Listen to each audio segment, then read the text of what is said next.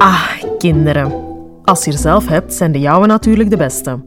Maar bij die kinderen komt al eens wat stress kijken. Opvoedingsstress. Daarom gaan we in Nooit Klaar samen met kinderpsycholoog Klaar Hammenekker in op dagdagelijkse opvoedkwesties. Met concrete handvaten en inzichten die je kan toepassen in je eigen gezin. Ik ben Eva, de host van deze podcast. En in deze aflevering hebben ouders het met Klaar over hun middelste kind dat zich voortdurend wil meten aan hun oudste.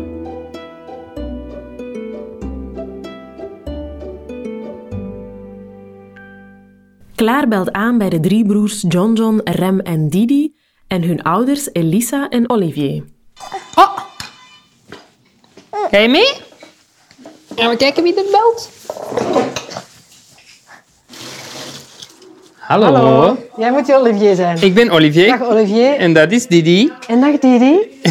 Oh. En dan knuffelen we papa als er vreemde mensen aan de deur staan. Hallo. Kom maar binnen. We zijn net aan het eten. Zijn jullie aan het eten? Hallo. Wat zeggen jullie? Wie zijn jullie? Ik ben Rem. Nee. wie, ben, wie ben jij? John John. Jij bent John John. En jij? Rem. Ah, jij bent Rem. en jij? Hoe oud is Didi? Een jaar en vier maanden. Oké. Papa. Papa. Papa. Mama is schat. Waar is papa? Mama. Ja, ik ben mama. En waar is papa? Piep. Hij weet het nu wel, hè, dat je papa bent. Het is niet meer universeel mama. Ja, het onderscheid is duidelijk, hè? Mama, papa. Ja, maar nog maar is nog, ook nog niet zo lang. Nog niet zo lang. Ja. Ja, wij. Je. Maar dat is vooral een beetje wennen voor ons, want zij waren hoogbegaafd in taalontwikkeling. En die praten gewoon toen. Ja. En hij is, ja, ik- ja, ik weet het niet, met, gemiddeld, geen idee. Allee, hij heeft wel woorden en zo, hè, maar wij hebben meer zoiets van, ja, maar zeg dan wat er is, omdat we dat Ja, gewoon zijn. omdat je dat gewend bent. Ja. ja. De taalontwikkeling van John John en Rem is op een snel tempo gebeurd. Bij Rem ging dat zelfs nog sneller dan bij oudere broer John John. Omdat de twee oudste broers voor hun leeftijd al zo uitzonderlijk goed konden praten, werd hun mentale ontwikkeling door buitenstaanders vaak overschat. Men hoorde de woorden van een vijfjarige, maar vergat dat die uit de mond van een tweejarige kwamen. Wat deze situatie een extra laag geeft, is dat zowel John John als Rem ASS hebben, autisme-spectrumstoornis. Dat heeft tot gevolg dat ze misschien wel de woorden die ze gebruiken begrijpen, maar dat ze daar nog niet de juiste emotie aan kunnen koppelen. Maar die verstonden dus heel veel woorden dat die niet konden plaatsen. Ja. Waardoor dat, dat soms echt wel moeilijkheden gaf. Ze hadden ons aan een Audi-coach aangeraden. Die is één keer bij ons op bezoek geweest. En dat gaf ons ook wel het inzicht van... Ah ja, wij hebben dat ook. In bepaalde mate. Dat is nooit een probleem geweest. Maar dat was voor ons ook wel een eye-opener. Van oké, als dat de signalen zijn... Dan zitten wij ook in die groep. Voor ze het met Elisa en Olivier verder heeft over de kinderen, wil Claire weten hoe zij het ervaren hebben om te beseffen dat zij ook ASS hebben. Een niet alledaagse diagnose, zeker niet wanneer je al een dertiger bent. Ja, dus ehm, die Audi-coach zat bij ons aan tafel. En die was, dat, begint, dat gesprek begint eigenlijk altijd met een uitleg, wat is autisme? En die begon dat zo wat op te sommen. En op dat moment keek Elisa... Ja, ehm, na een uur. Mijn beste vriendin zat er ook bij. En na een uur zeg ik aan die vraag van sorry, maar ik wil even onderbreken. En ik kijk naar die twee andere twee en ik zeg van ja, maar die heeft het over mij. Hè? En die, die waren alle twee heel... Ja, die heeft het over u. nou, ik was er ook al wel achter dat ik anders was. Maar dat is ook ook iets dat je pas beseft met dat je groter wordt. Want in het begin, je, groeit op en je denkt, ah, die is anders dan ik. En die doet dat ook anders. En die doet dat ook anders. En het is pas na een tijdje dat je Frank valt en... Ja, maar die zijn allemaal een beetje hetzelfde. En ik ben anders. Maar dat is niet dat dat bij ons een ramp of een harde indruk was, dat dat ineens concreet werd van, ah ja, dat komt van bij ons of, of dat hebben wij ook. Ik had ook al wel langer het gevoel dat ik anders ineen zat dan andere mensen op manier van emoties en denken. En ik was er ook helemaal niet van geschrokken of zo. Dat, dat in dat opzicht van, alleen met mij is het goed gekomen en met Elisa, dus dan gaat dat voor Johnson ook eh, wel goed komen. Klaar is benieuwd naar de opvoedstijl van Elisa en Olivier. Het kan niet altijd even eenvoudig zijn om twee hoogbegaafde kinderen met ASS op te voeden. Ik denk dat wij alles op ons buikgevoel doen. Echt alles. We hebben nooit boeken daarover gelezen. We hebben ons ook nooit voorbereid. Ehm, maar we hebben gewoon geleerd, of kinderen leren nu ook veel. Hè? Dus we hebben er gewoon nooit echt in opgezocht en altijd vertrouwd op kijken wat er gebeurt, aanvoelen. Waarom gebeurt er iets? Wat wat is de beweegreden van dat kind? En ik ga op alles op mijn intuïtie af. Als kind kun je dat heel goed en dan verleert je dat een beetje. Toen ik dat terug begon te doen, zag jij hoe goed dat, dat werkte en is hij dat ook beginnen doen. En samen groeit je daarin of zo. Samen versterkt je elkaar daarin. Ja, ik ben er heel lang niet mee in contact geweest. En mijn moeder was daar zelf wel hard mee bezig. Maar mijn moeder schoot daar zo in door. Mijn ouders die hebben elkaar leren kennen op een soort spirituele bijeenkomst. En ik heb mij altijd afgezet van alles wat spiritueel was en alles wat zweverig was. En ik hou van wetenschappen en ik ben heel down to earth en ik ben heel nuchter. En dat paste niet in mijn hoofd, dat paste niet in dat rijtje. Dus ik ben pas op mijn intuïtie leren vertrouwen toen ik eind de twintig was of zo. En dan heb ik ook ingezien dat ik, dat is niet per se zweverig. Ik kan even down to earth en even nuchter blijven en toch gewoon vertrouwen op mijn gevoel. Ja. Dat, dat een hoeft de ander niet uit te sluiten. En wij proberen heel hard dat ons jongens ook mee te geven. Ga altijd op je buikgevoel af. Want kinderen, en dat is waar je het een beetje kwijtraakt, als al je vriendjes zeggen ik wil dat spel doen en jij wilt iets anders, heb dan maar eens het lef om te zeggen ik ga toch dat andere kiezen.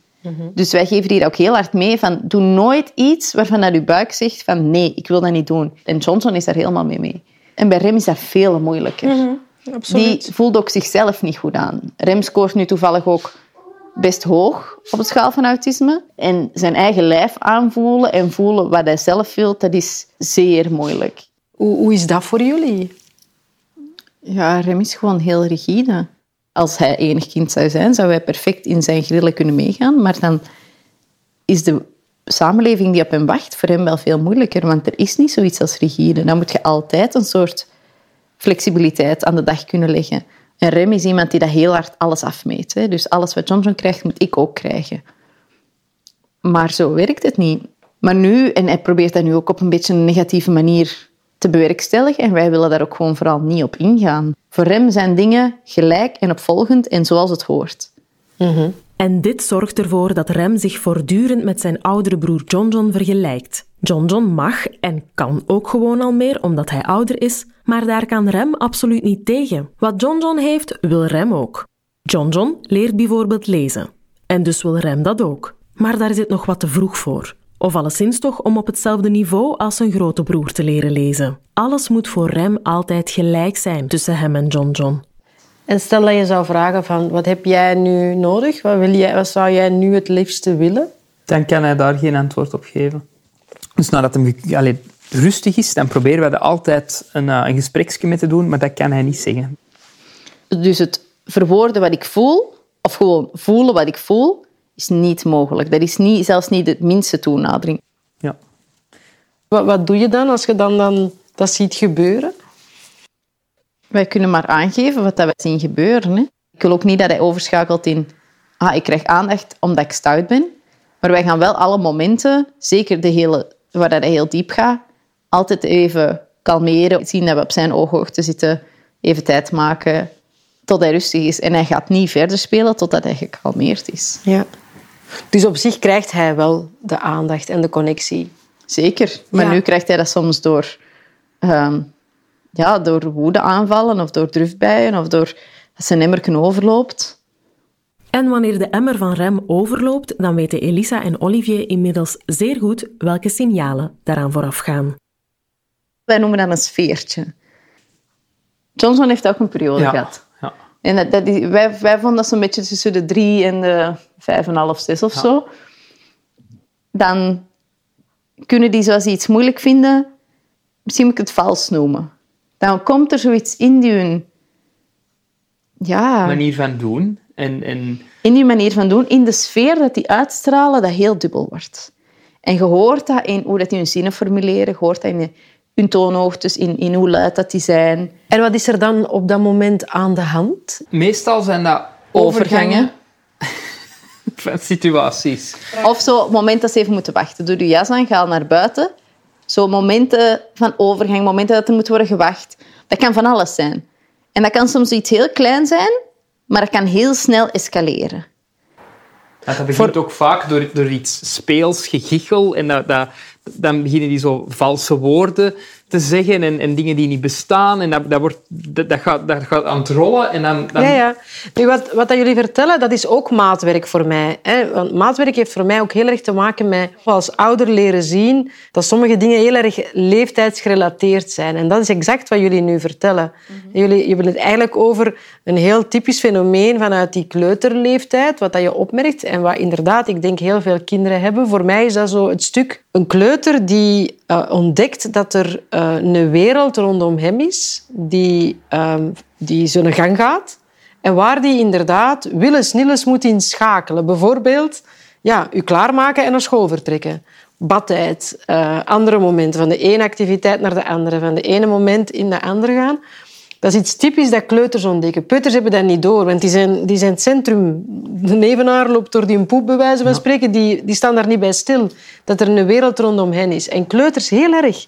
Die hebben door dat er grote mensen zijn, dat er kinderen zijn, dat er rollen zijn, dat niet iedereen hetzelfde job heeft, niet iedereen dezelfde functie, uh, dat er verhoudingen zijn, dat sommigen het voor het zeggen hebben, anderen niet. Dus die krijgen een heel zicht op de wereld, kleuters. En die moeten zichzelf daarin gaan verhouden. En sommigen voelen heel erg de behoefte om dat ook echt expliciet te gaan doen. Of omgekeerd, die hebben een soort van weerstand tegen wat dat er dan zo vanuit die context of die wereld van hen verwacht en gedaan wordt. Het klinkt een beetje alsof van jullie, ik vind het heel mooi dat je er een woord voor hebt, alsof van jullie met het woord sfeertje uh, benoemen, dat het dat misschien wel een beetje is. Waarom dat je ook merkt dat John John daar voorbij is. Ja. En Rem daar eigenlijk helemaal in zit. Ik denk dat dat echt die wisselwerking is tussen van... hey, hallo, zie je mij? Ik ben hier ook, hè. Hou eens rekening met mij. Of je denkt toch niet dat ik zomaar even plooi of volg of meega. En bij Rem wordt dat nog versterkt door, wat al genoemd is, zijn rigiditeit, die dan weer eigen is aan zijn ASS-diagnose. Uh, dus bij hem is dat nog eens erger allez, ja. of sterker aanwezig, omdat hij nog minder mogelijkheden heeft om te schakelen van de ene naar de andere situatie dan, dan het doorsneekind. En zelfs ook doorsneekinderen vinden dat echt helemaal geen evidentie. Daarom zijn ochtend- en avondrituelen in heel veel gezinnen met kleuters des hels, zal ik maar zeggen. En ook een veelgevraagde hulpvraag of opvoedingsvraag is red mij in de spitsuren van mijn gezin. Hè. S ochtends of s avonds. Dus ik, ik denk dat dat ook is wat jullie daar een beetje benoemen. En dat is maatwerk. Dus oké, je ziet ook van... Oh, we moeten daar nu aandacht aan besteden. Want je kunt dat niet laten... Het is niet dat het een fase is dat je het maar achterover leunt en laat zijn. Nee, want dat is heel enerverend. Voilà. Echt, dan haalt die het bloed onder je nagels vandaan. Ja, voilà. Maar Voilà. iedere keer heeft een andere oplossing nodig. Soms komen wij buiten om dan in de auto te stappen en zijn die echt helemaal opgefokt. Dan zeg ik, oké, we gaan autorit beginnen met vijf minuten stilte. Ik wil jullie niet horen. En dan begint Rem ons wat uit te lachen. Ik zeg, nee, echt niet. Het blijft langer duren. Hoe langer dat je praat, blijft het langer duren. En dan na die vijf minuten is dat ook... Zo Ja. lang houden die dat niet vol. Nee. Dan zijn die even tot rust gekomen en is dat oké. Want ik ben pro maatwerk, maar ik ben wat ik wel merk... En en ik, ik heb, wij hebben ons niet voorbereid, maar ik merk wel dat wij... Ja, dan zal ik vooral ik zeggen. erg streng ben. Ik ben... Ik, ik, ik merk dat veel ouders nu zoiets hebben van wij zeggen nooit nee tegen ons kind. Dat is zo'n nieuwe hype of zo, ik weet het niet. Hè, wij nooit nee zeggen. Maar ik ben wel pro nee zeggen. Er mogen van mij... Er zijn dingen die niet kunnen. Er zijn dingen die ik ook wel van hen verwacht. En ik merk dat zij daar ook wel bij varen door af te bakenen van dit wel, dit niet. En binnen dit speelveld mogen jij mij van mij heel veel. Maar daarbuiten gaan we niet kleuren. Ik ben blij dat je dat toevoegt, Elisa, want mensen zouden kunnen denken, als ze dit horen, ja, intuïtief, dat is zo een beetje blauw-blauw laten, de dingen, en wat meeveren op een golf of zo, en u wel laten kabbelen. Maar eigenlijk zeg je, ja, nee, nee, nee, je hebt... Het is intuïtief, namelijk, ik durf mijn buik voelen en ik durf... Ik, ik kijk naar de kinderen en ik ga daar met vertrouwen op af dat mijn buik en, en, en mij de kinderen hè, dat die mij de weg zullen tonen. Maar er is wel een weg. En er is wel een kader en dat heeft grenzen. Ja, en ik vind dat heel belangrijk, want ik merk dat ik wel bij uitstek de strengste moeder ben, maar ik ga me niet inhouden, omdat ik vind dat daar help ik hen niet mee. En ook als wij vaak iets afbaken en zeggen van dat mag niet, zeggen wij ook van kijk, wij doen dat niet om jullie te pesten, maar dit kan niet, daarom en daarom. En dat zijn de gevolgen en dat willen we niet, dus we gaan dat ook gewoon niet doen. Kunnen jullie nog eens zeggen waarom je het zo belangrijk dan vindt om die grenzen zo duidelijk te maken? Dat is niet zozeer voor ons belangrijk, maar voor hen, denk ik. Voor hen, omdat die nee niet gewoon dan een nee is. En dat dat gewoon ja. duidelijk is waarom Ja. dat het daar stopt. Of dat we dat niet doen. Je doet dat inderdaad niet voor jezelf, om ze in de hand te houden, hè, de oude manier soms van opvoeden, maar om hen een, allez, een veilig kader te geven en, en begrip te geven over hoe de wereld in elkaar zit. Ja, en het sorteert eigenlijk ook het omgekeerde effect. Want daardoor zijn die heel dankbaar. En die komt, zeker Johnson komt heel vaak zeggen van oh mama, ik zie je zo graag. En je voelt dat hij zich veilig voelt en geborgen. Exact. En dat hij niet het idee heeft dat ik hem belemmer. Nee. Jullie zijn verbonden met elkaar. En van daaruit is het vrij evident dat, dat jullie van daaruit voor elkaar zorgen. En voor elkaar zorgen is rekening houden met elkaar. En dus ook bij gevolg vaak doen wat een andere van u verwacht. Hè? Eh, niet omdat die een andere nu een baas is, of, of boven u staat, of dwingend is, of gevaarlijk, of anders dreigt met straf. Maar omdat je daar vertrouwen in hebt, dat dat waarschijnlijk voor u de juiste beslissing is. Hè? Dat is denk ik exact wat je mij nu vertelt. Hè? Ja. Ik, ehm, ik ben heel blij met jullie verhaal rond opvoeden. Omdat ik denk dat er zo bijzonder veel elementen in zitten die voor andere ouders heel eh, relevant zijn. En die overal ook echt ook heel mooi in balans zijn. Waar intuïtie eh, niet hoeft te betekenen dat je de boel de boel laat, maar tegelijkertijd zeer begrenzend om niet het woord streng te gebruiken, hè, kunt zijn en heel helder kun, eh, communiceren, waar je kunt afstemmen op kind, met je kinderen, zowel op leeftijd als op uitgesproken bijzondere behoeften. Want ja, de twee oudsten hebben die ook wel vanuit hè, hun bijkomende etiketje, zal ik maar zeggen, van ASS, hebben jullie mij ook getoond van eigenlijk kun je met diezelfde intuïtie en datzelfde maatwerk ehm, aan de slag om, om, om daar gewoon ook te gaan kijken vanuit uw buik. Wat hebben ze nodig? Wat hebben die extra nodig? Iets beter kijken, iets langer kijken. U inleven. Hè? En dat bij jezelf gaan zoeken, herken ik dat. Dat is ook een hele waardevolle, vind ik altijd als ouder. Zo bij jezelf, herken ik dit, herken ik dit? Ben ik zelf zo geweest? Heb ik dat zelf ooit gehad, dit gevoel? En dat helpt zo hard om vervolgens naar je kind naartoe te gaan als je die connectie met iets van jezelf hebt kunnen leggen. Ook dat hebben jullie eigenlijk heel, heel mooi eh, gebracht hier. Dus voor mij is dat een heel mooi rond verhaal van hoe dat je vertrekkend vanuit wat een kind nodig heeft, eh, gaat opvoeden. Eerder vanuit een eigen persoonlijk groot uitgewerkt opvoedingsplan of zo. Dus eh, ja, dikke merci zou ik zeggen voor, eh, voor jullie verhaal. Want het is een prachtige illustratie, denk ik, van wat ik eh, zelf ook heel erg eh, ja, belangrijk vind in opvoeden. Namelijk vertrekken van wat kinderen nodig hebben. Merci. Dank u. Wij hebben altijd het gevoel dat wij maar iets aan het doen zijn. Ja, dat, toch, toch niet intuïtief, zit dat toch wel iets... Ja, ja maar Ja, ja, intuïtief kun je gewoon vertrouwen. Absoluut. En verder Ja. doe je Ja. maar iets. Ja, En dan komt dat wel goed. Of ja. Zeker. zeker en vast. Ja. Opvoeden is maatwerk bij Elisa en Olivier, net zoals bij alle andere ouders. Durf bij dat maatwerk zeker vertrouwen op je buikgevoel. Dit was de laatste aflevering van deze reeks. De andere afleveringen van Nooit Klaar staan klaar voor jou met meer opvoedtips. Die vind je terug op nooitklaar.be. Daar kan je ook terecht voor meer info over Klaars boek, wat elk kind nodig heeft en over de trainingen die Klaar geeft, gericht op krachtig ouderschap. Want opgroeien doe je levenslang.